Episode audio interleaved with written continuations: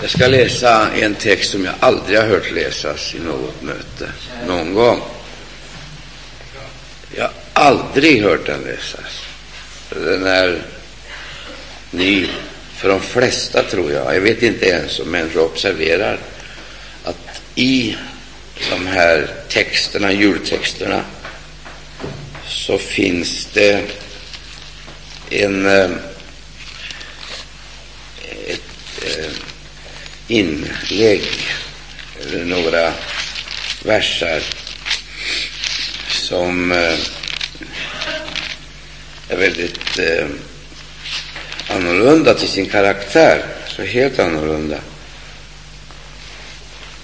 än den övriga, de övriga texterna. Jag vill inte vara någon glädjedödare, men jag tror inte att man kan komma förbi den här dimensionen. Den måste finnas med. Eh, jag ska göra så gott jag kan för att föra fram den. Men rösten är slut på grund av influensa. Men jag ska göra mitt bästa eh, för att klara av det. Det är Lukas evangelium. I Lukas evangelium. Där kan vi läsa med varandra. För det första så läser vi eh, i den 34 versen i det andra kapitlet. Mm. Det är en vers. Och Simon välsignade dem och sade till Maria, hans moder, och där det här som jag då speciellt vill anknyta till. Det heter så här. Se, denna satt till fall eller upprättelse för många i Israel och till ett tecken som ska bli motsagt. Ja, också genom din själ ska det svärd gå, så skulle många hjärtans tankar bliva uppenbara. Denne satt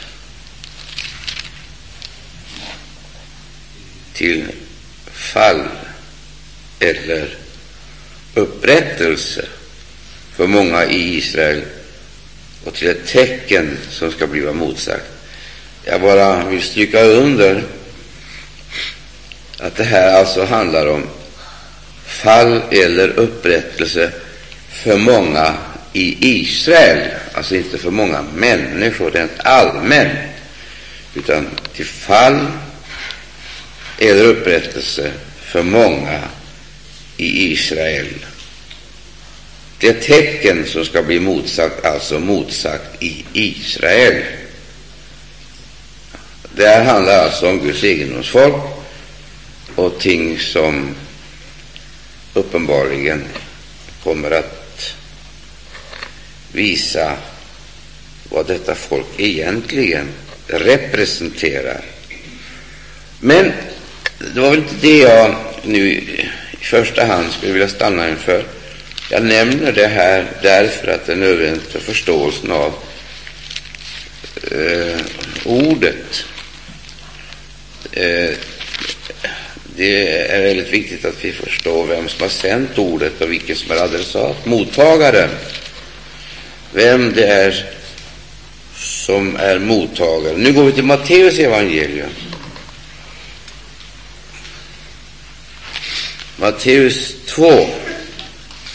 Där kommer den här förundliga texten som egentligen säger så mycket i mycket få ord. Det heter i Matteus 2,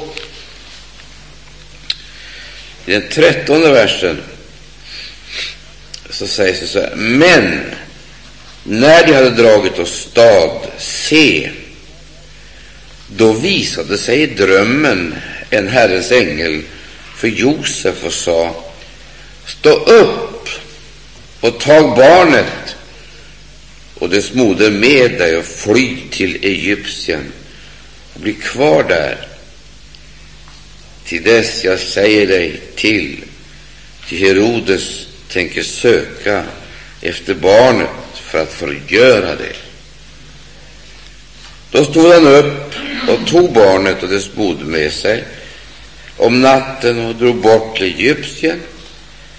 Där blev han kvar intill, Herren, intill Herodes död för att det skulle fullbordas som var sagt av Herren genom profeten som sa Ut ur Egyptien kallade jag min son. När Herodes nu såg att han hade blivit jäckad av de vise männen blev han mycket vred och han sände åstad och lät döda alla de gossebarn i Betlehem och hela området däromkring som vore två år gamla och därunder. Detta enligt den uppgift om tiden som man hade fått, fått genom att utfråga de vise männen. Då fullbordades det som var sagt genom profeten Jeremias när han sa ett rop hördes i Rama, gråt och mycken jämmer. Det var Rakel som begrät sina barn, och hon ville icke låta sig trösta, eftersom det icke mer vore till. Eh, och det är den här texten som egentligen är oerhört eh, omskakande. Det sägs så här ett rop hördes i Rama, gråt och mycken jämmer. Och det är klart att det är en väsentlig skillnad på det här som vi nu har läst med varandra och på den stämning som änglarna åstadkom då de kom till herdarna och berättade om det som hade skett i Betlehem. Men det här hör också till. Och det är väl det här som är det stora problemet. Att vi liksom plockar ur bibeltexterna ungefär som man plockar russin ur kakan. Det som vi tycker är smakligt och behagligt. Därför får vi alltid en felaktig eller en tendentiös bild av verkligheten. Men det här hör också till, inte sången, och glädjen, men sorgen och ångesten och nödropen. För att förstå det här så måste man alltså, som jag säger igen, ha en helhetsbild. Och det här det är ett profetiskt budskap. Ja, ett profetiskt budskap. Det vill säga, det fanns en historisk händelse som kom att bli en signal om vad som skulle ske. Profeten såg det, förkunnade det, och det visar sig också att det blir aktualiserat på ett förunderligt sätt. Det var änglarna som kom till herdarna, men det var också änglarna, eller en ängel, som kom till Josef. Det vill säga, allt är väl förberett, planerat, men det kastas ifrån det ena till det andra, det vill säga det tycks vara ytterligheter, oförenliga ytterligheter. Det räcker väl att tala om glädjen, sången, det räcker väl att vi jublar. Det, det, det blir en felaktig attityd och vi skapar felaktiga förväntningar. Och varför? Vi måste göra klart för att Jesus kom. Det är en underbar sanning. Men det är lika viktigt att vi gör klart för oss att han kom till en värld fylld av fiender. Att det finns en fiendskap, och denna fiendskap den gör sig gällande på så många sätt. Och om man berusar sig alltså på ett felaktigt sätt, liksom lyckas rycka loss de här glädjetexterna, för att använda dem, så kommer man så fruktansvärt fel och besvikelserna blir så oerhörda. Bibeln är väldigt noga med att ge oss en helhetsbild så vi kan förbereda oss för allt det som kan möta. Och det är inte, så att säga, få eller små ting. Och detta möter varenda en. Ingen kommer undan. Och jag skulle nästan vilja säga det är sållningstider för varje enskild människa, men det är sållningstider för folken. Det är sållningstider för lärjungarna och det är sållningstider för den kristna församlingen. Det måste vi observera. Nu ska jag läsa ytterligare ett bibelord och så ska jag återvända till den här texten om Rakel och hennes djupa oro och ångest. Vad kan den vara motiverad utav? Du, får jag se på det, min kära vän. Jesus föddes, stämmer inte det? Han blev med, han föddes. Han kom, han blev människa, han föddes. Det är vårt hopp. Men vad är det som gör att vi ständigt glömmer dem som dog? Det hör också samman med hans födelse. Eh, vad är orsaken till att alla ynglingar under två år så att säga får sätta sitt liv till? Det innebär i realiteten att döden besökte de flesta hemmen. De flesta hemmen fick alltså påhälsning utav döden. Där ser vi i ett litet blixtfotografi vilken fruktansvärd manspillan det också blir där Jesus trädde fram. Glöm för allt i världen inte det. Det finns nämligen definitivt inga lättvunna segrar i Guds rike. Det finns definitivt inte. Och därför när budskapet är denne är satt till fall och till upprättelse för många i Israel, så drabbar detta i första hand Guds eget folk. Till fall och till upprättelse. Det vill säga, om vi säger mötet med Jesus, om vi säger att det är förenat, så är väl det sant, men det är bara den ena sidan av sanningen. Mötet för Jesus, med Jesus, det åstadkommer definitivt rakt motsatta reaktioner och förhållanden. Mötet med Jesus söndrar. Vet du varför? Därför att Jesus proklamerar jag har inte kommit för att sända frid, utan jag har kommit för att sända strid. Och så talar han om vad gemenskapen med honom med nödvändighet kommer att innebära för varenda människa.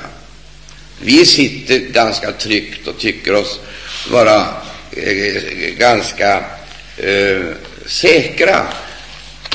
Ta försiktigt, skulle jag vilja säga, för ingen är framme vid målet.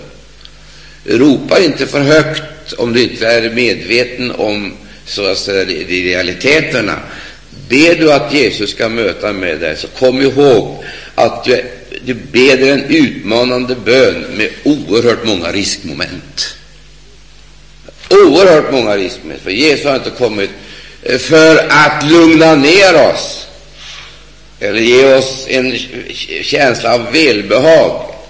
Han har kommit för att förmedla till oss sanningen, den sanning som aldrig kan kompromissa med lögnen eller acceptera någon form utav teater.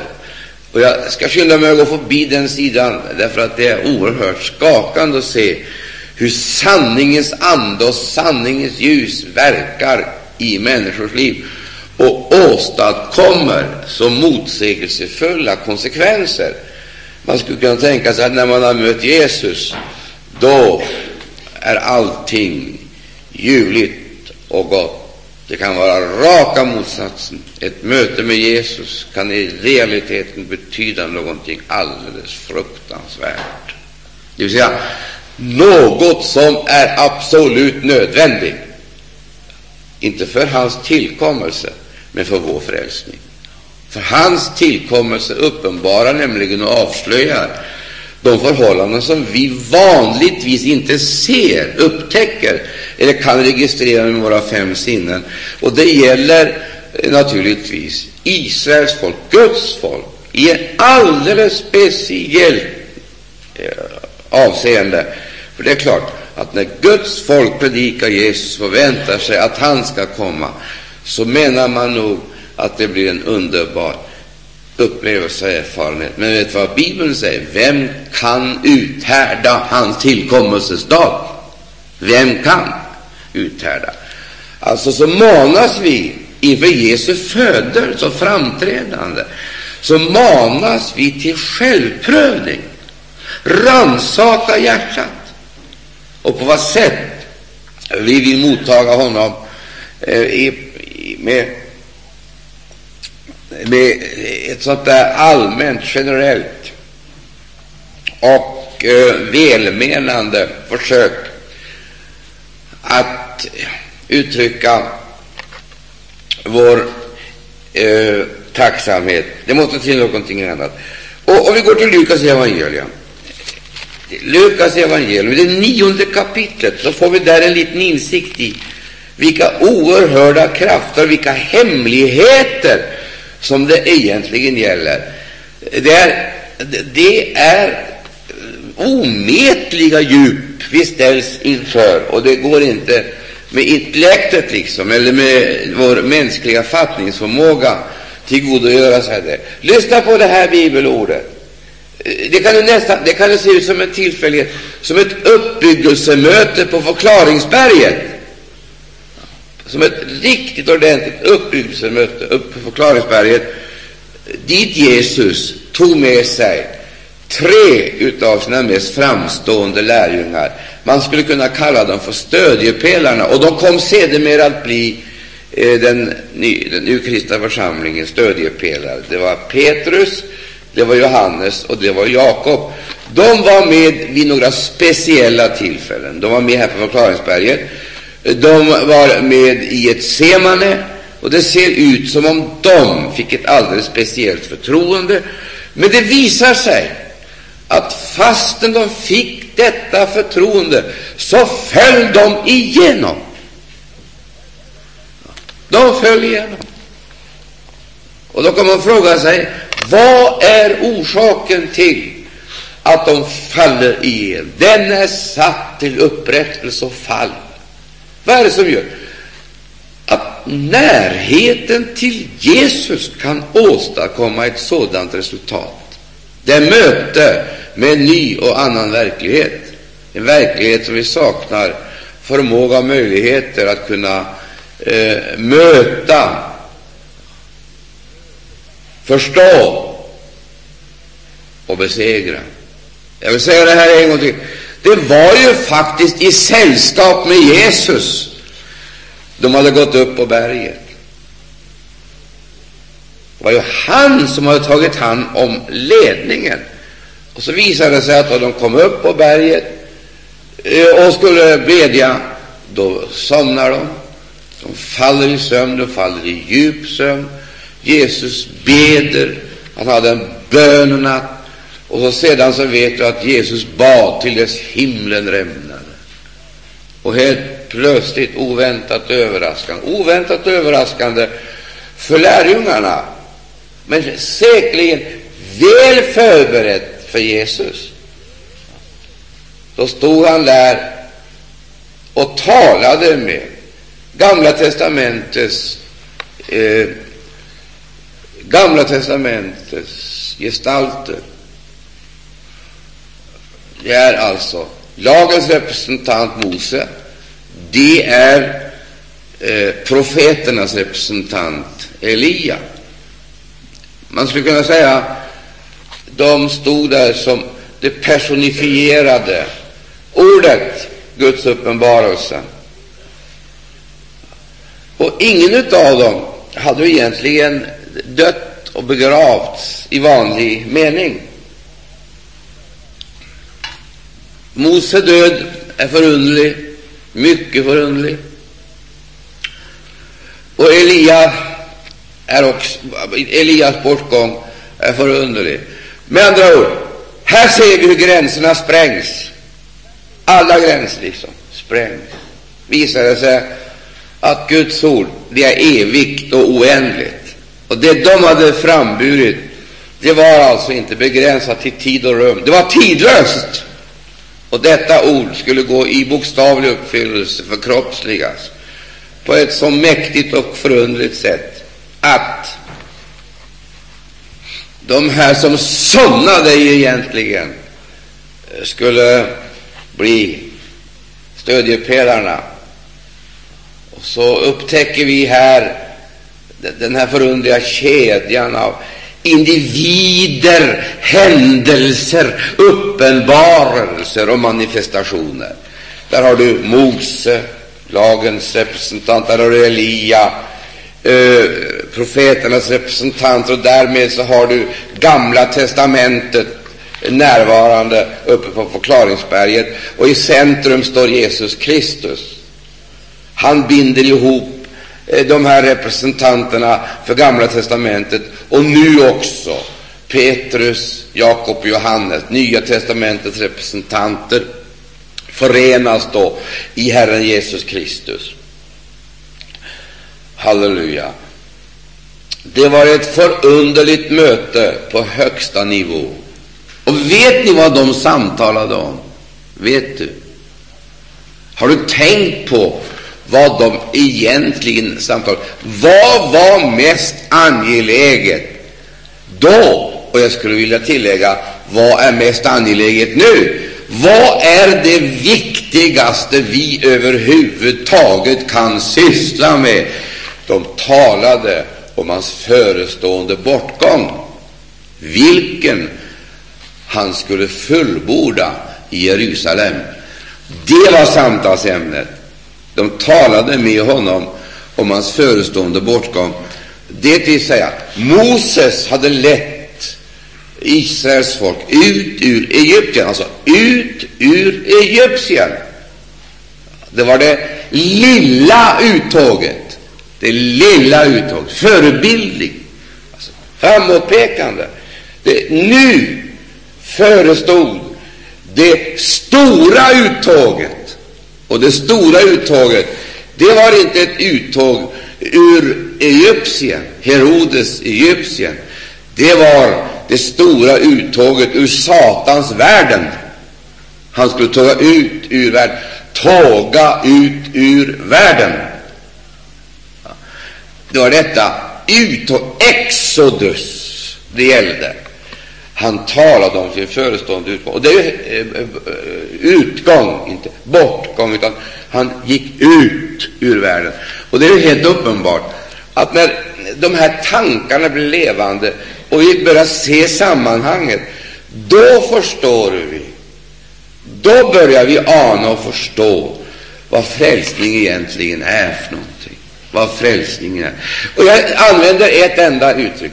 Frälsning är befrielse det är befrielse.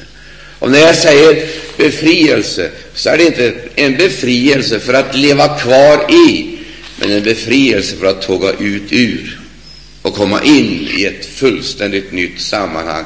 Och detta kan alltså inte ske utan ett djupt och allvarligt lidande. Och för att Egyptien skulle kunna överges, så måste fördärvaren kalla honom mordängeln, verkställaren av Guds straffdomar, gå fram genom hela Egypten.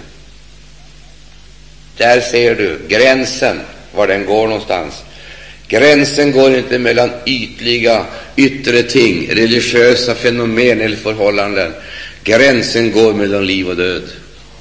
Mellan liv och död. Det är det det är frågan om.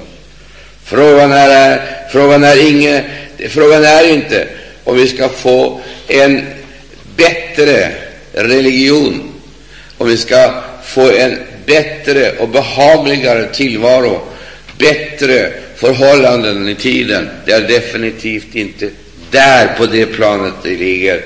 Det är frågan om någonting annat. Liv eller död. Det är liv eller död det är frågan om. Och därför så är det faktiskt så att när julbudskapet presenteras så blir det förljuget och falskt om man inte gör klart för människorna detta. Det är inte frågan om att ta emot barnet i krubban. Det är inte frågan om att uppmuntra varandra, och ge varandra julklappar. Det kan man hålla på med, men det förändrar ingenting. Det är frågan om någonting långt mera, om någonting helt annat någonting långt mera och helt annat. Och jag skulle vilja säga, egentligen är det frågan om ett uttåg, ett uttåg i flera etapper, ett uttåg med flera dimensioner. Nå, går vi tillbaka till den här texten så eh, i Matteus evangelium så presenteras i den här texten för oss ett nästan outsägligt lidande. Och det finns förmodligen knappast något större lidande än en mors sorg då hon sörjer över sina barn.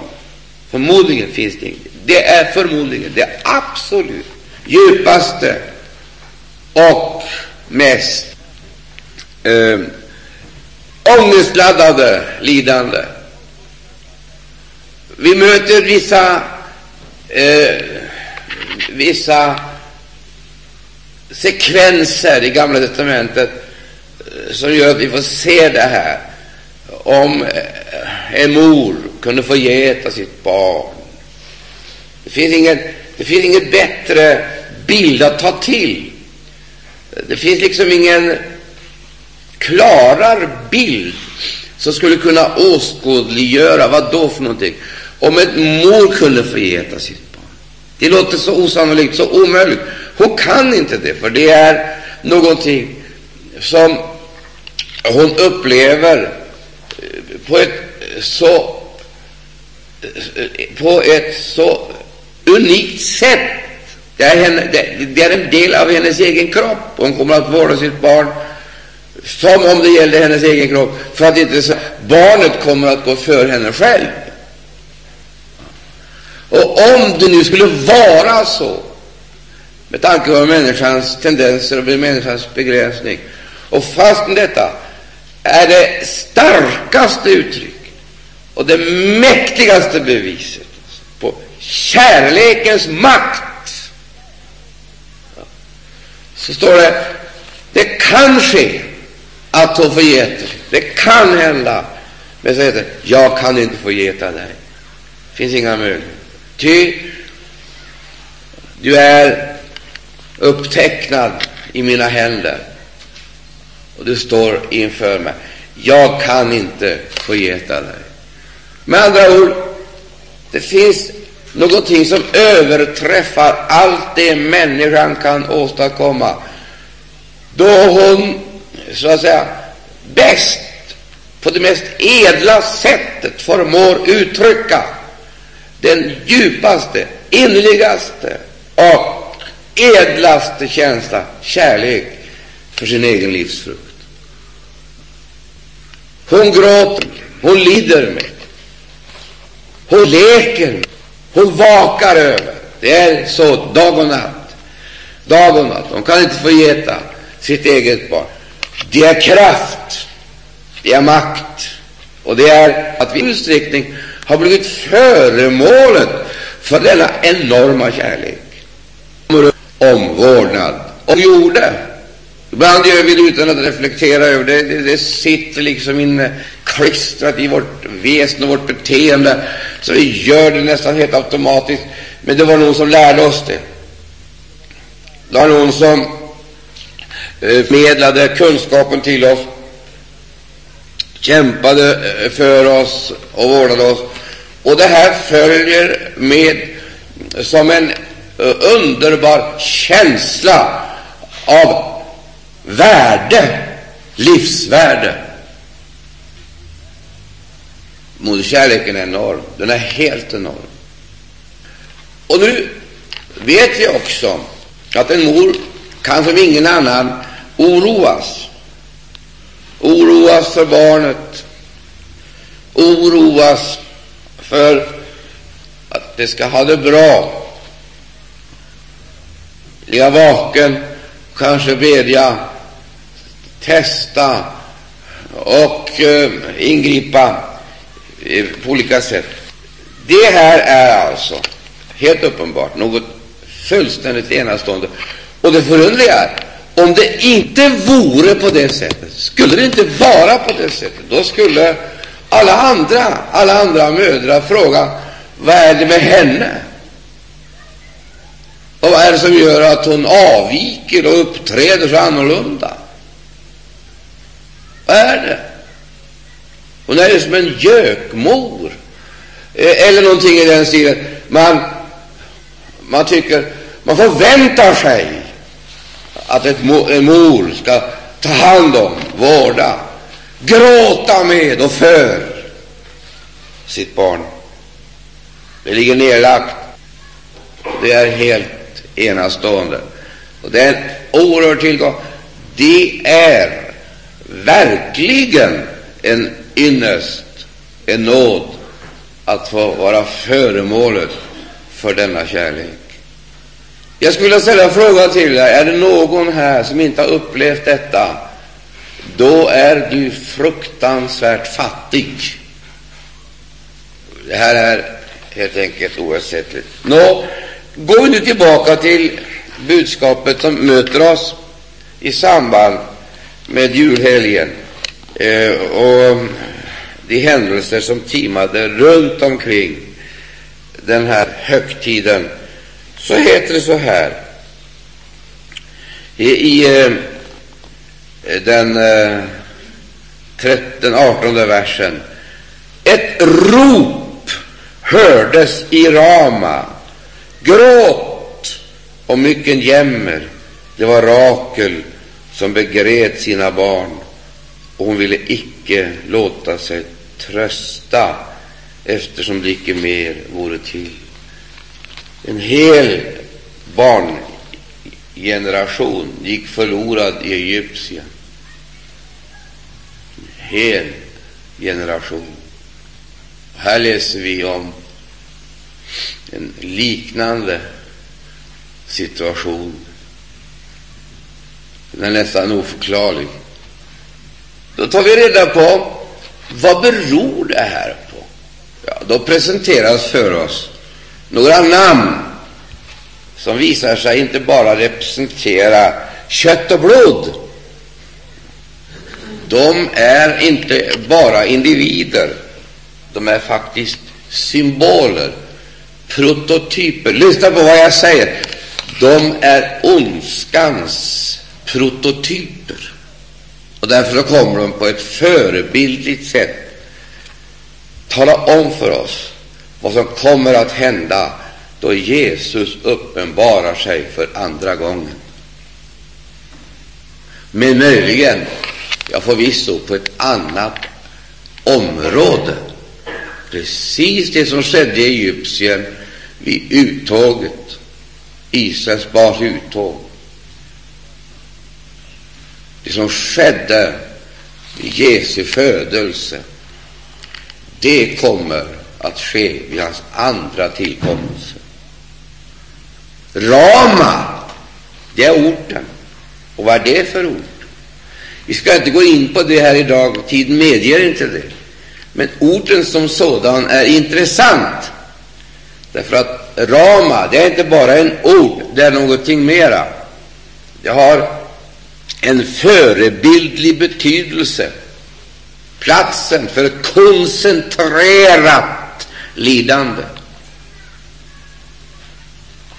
platsen för en omänsklig grymhet och brutalitet, platsen för förföljelser, blodsutgjutelser. Det hör också till det här budskapet.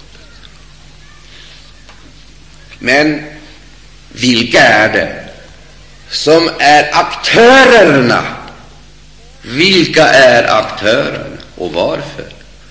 Ja, den första du möter, det är ju Herodes.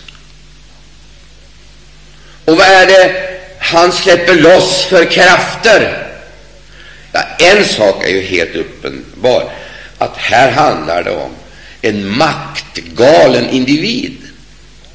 Och som individ skulle man nu kunna glömma honom, eftersom han som individ är passé. Men det är inte så enkelt. Herodes är död. Han har gått i graven, men det han representerar, det är kvar i mångmultiplicerade former. Idag kallas han inte Herodes, idag kallas han Antikrist. Alltså var Herodes en prototyp på, en förebild till Antikrist, som använde makten. Vad då för?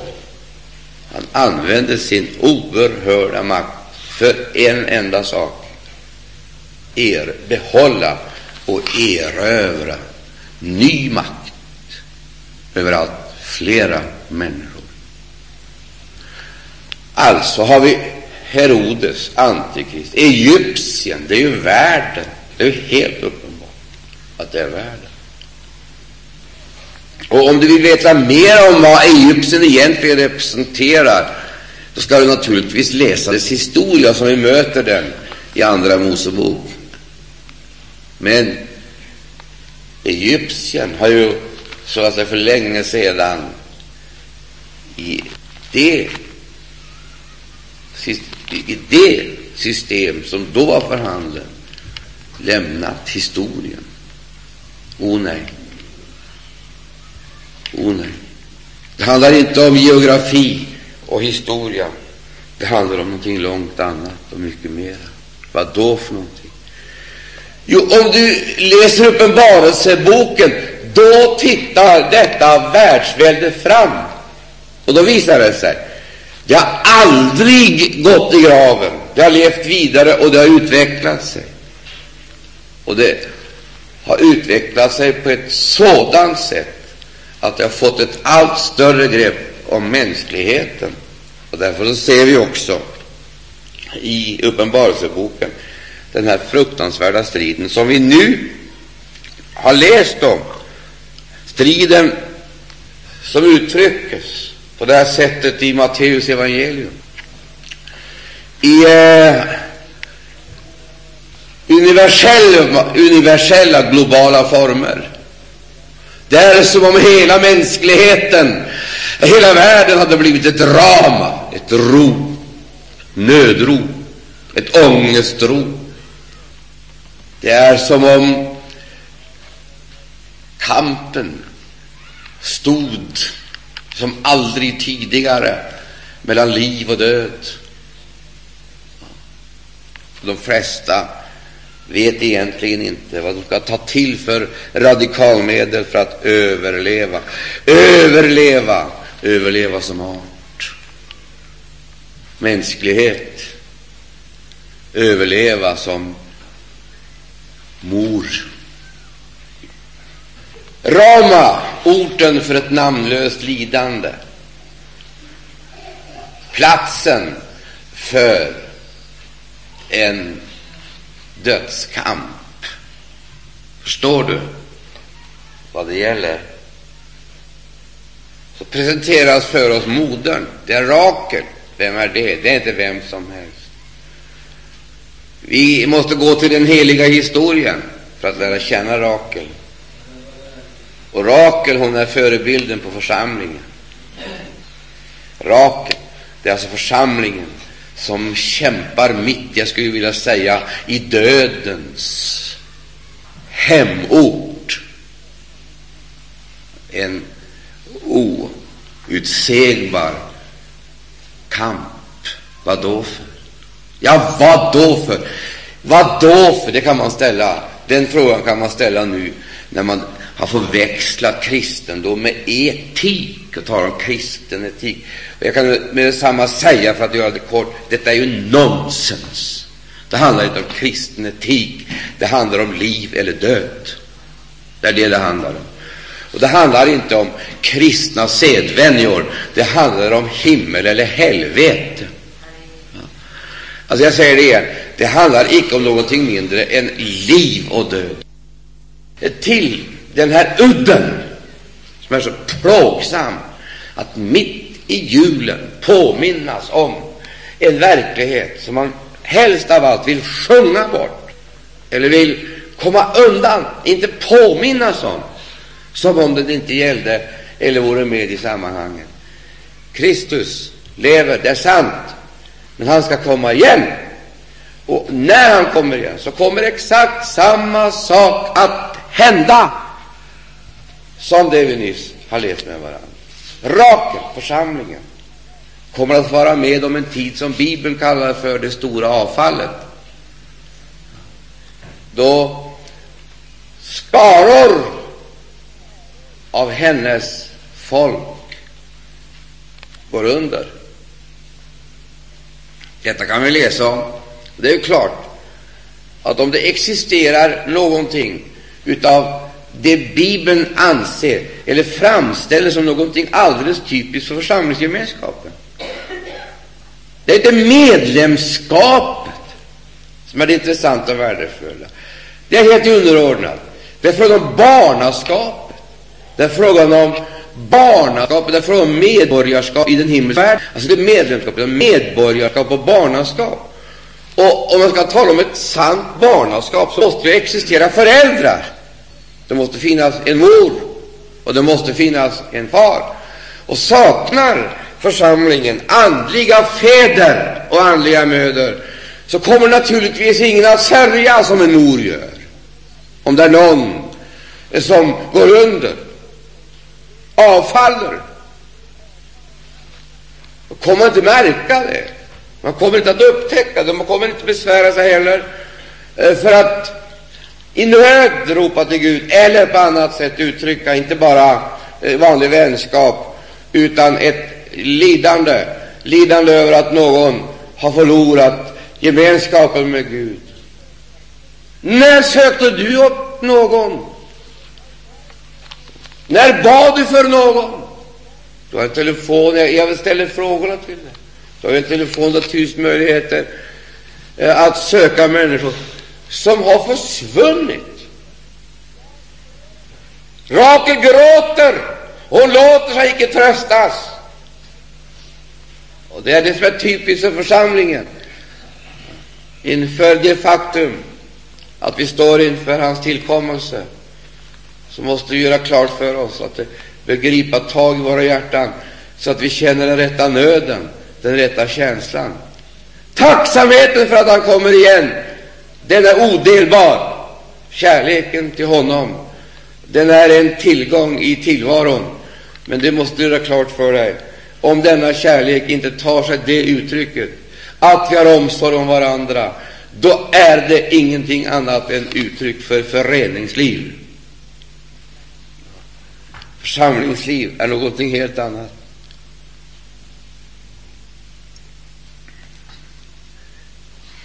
Det behövs fäder, det behövs mödrar som ser, tar lärdom, börjar gråta, börjar ropa.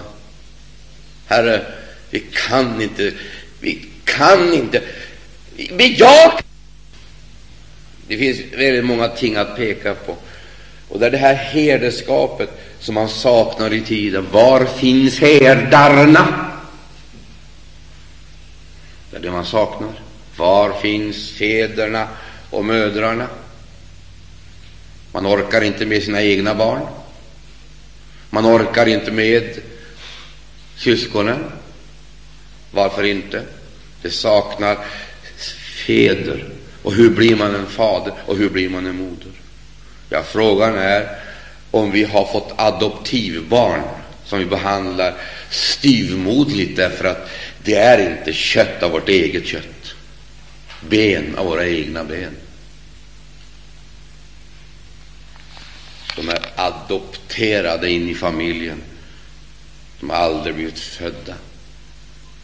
De kommer att behandlas som adoptivbarn. Detta förekommer i en sån stor utsträckning som man blir alldeles förskräckt. Alldeles förskräckt. Och det här har du, här har du denna oroväckande upplösningstendens som vi möter i tiden. Därigenom att lagbruset tittar ska kärleken hos de flesta kallna Vi har våra små områden som vi har förälskat oss i, och det stora problemet är att just det där som vi har förälskat oss i, det blir allt. Det blir allt. Det är så bra med tungotal, det är så bra med uttryck. Ska definitivt inte ringakta någonting av detta. Men det är inte allt. Definitivt inte. Det är så bra med evangelisation och mission. Det är så viktigt. Det är så enormt betydelsefullt. Man skulle kunna säga så här att det egentligen är nödvändigt både för andras frälsning och för vår egen tillväxt. Men snälla du, det är en sak att vinna själar, en annan sak att vårda. Det finns själavinnare, entusiastiska själavinnare. Vi tackar Gud för det.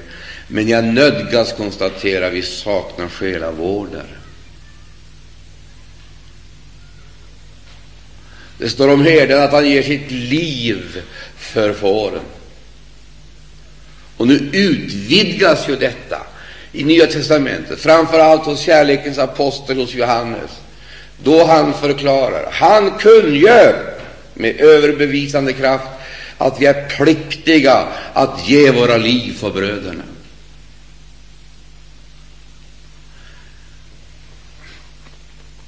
Jag vill inte gå vidare här, därför att det här måste ju leda till någonting mera än ett konstaterande. Det måste ju få konsekvenser för oss när vi möter det här ordet. Rakel gråter, Rakel lider över den ohyggliga framfart som vi ser Herodes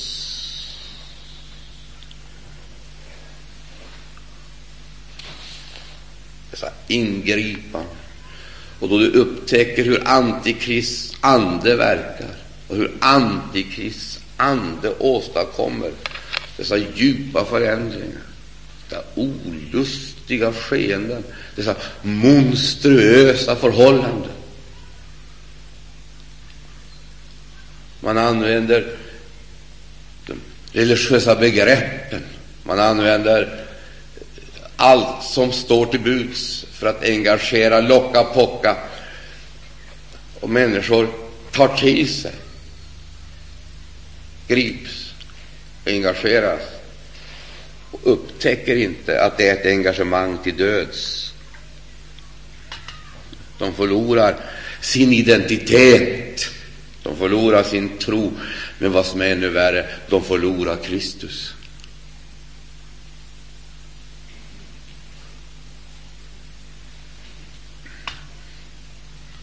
Låt mig sist avslutningsvis få säga här har du hela situationen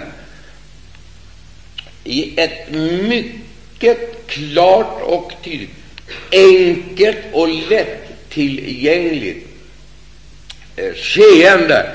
Du kan läsa, du kan känna igen dig, du kan känna igen förhållanden, du kan identifiera dig.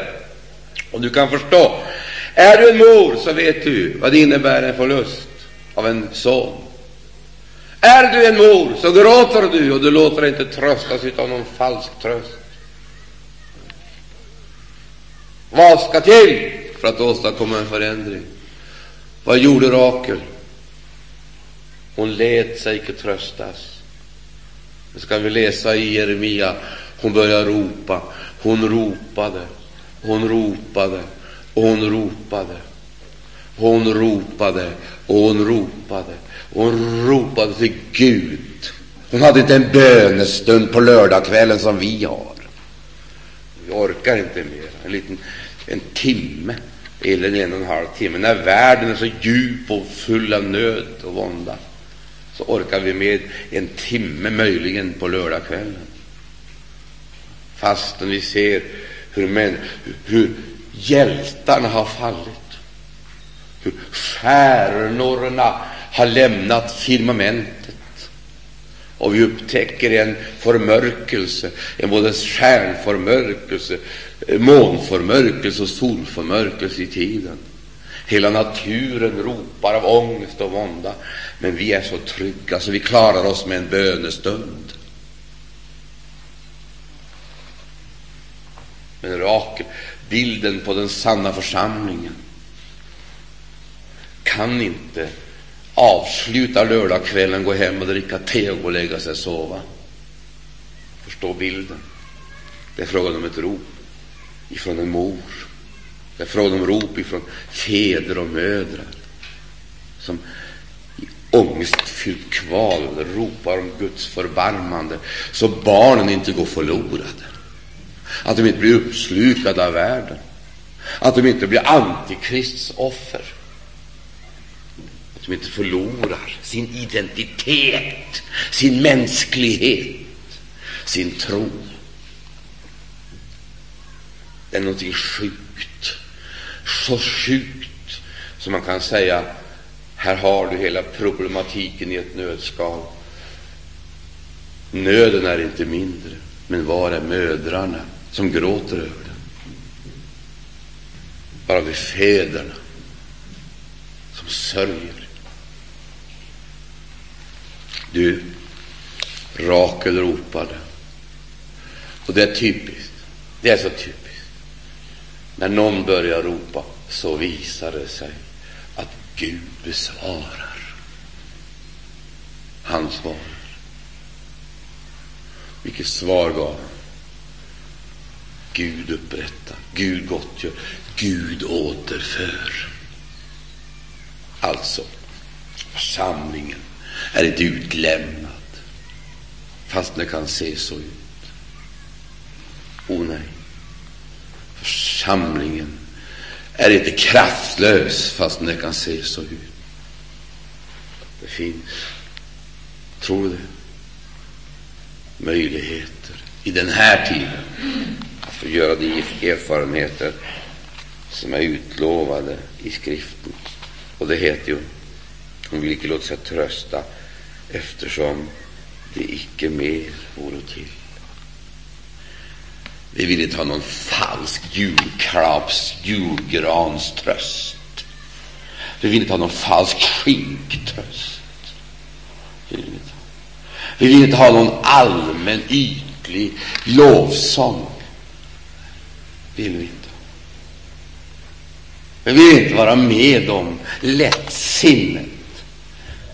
Vi vill inte. Vi vägrar. Vi låter oss inte tröstas. Vi önskar se församlingen upprättad. Och det är det som ska ske innan Herren Jesus kommer. Ära vare Gud, så ska församlingen utrustas. Vad då för? För den sista resan, hemfärden. Budskapet når oss. Frälsningsbudskapet, förnyelsebudskapet når oss. Det griper tag i oss, ställer oss inför en mytlös sanning om ett nytt liv, ett annorlunda liv, i en djupare gemenskap med Herren Jesus Kristus för att tjäna honom ända till slutet. Vi vill inte ha någon falsk tröst. Däremot så låter vi oss tröstas med dessa ord. Vilka ord? Om hans återkomst. Herre, höj beredskapen så att på ett sant och rätt sätt kan välkomna dig då du andra gången låter dig ses utan synd av dem som bidar efter dig till frälsning. Amen.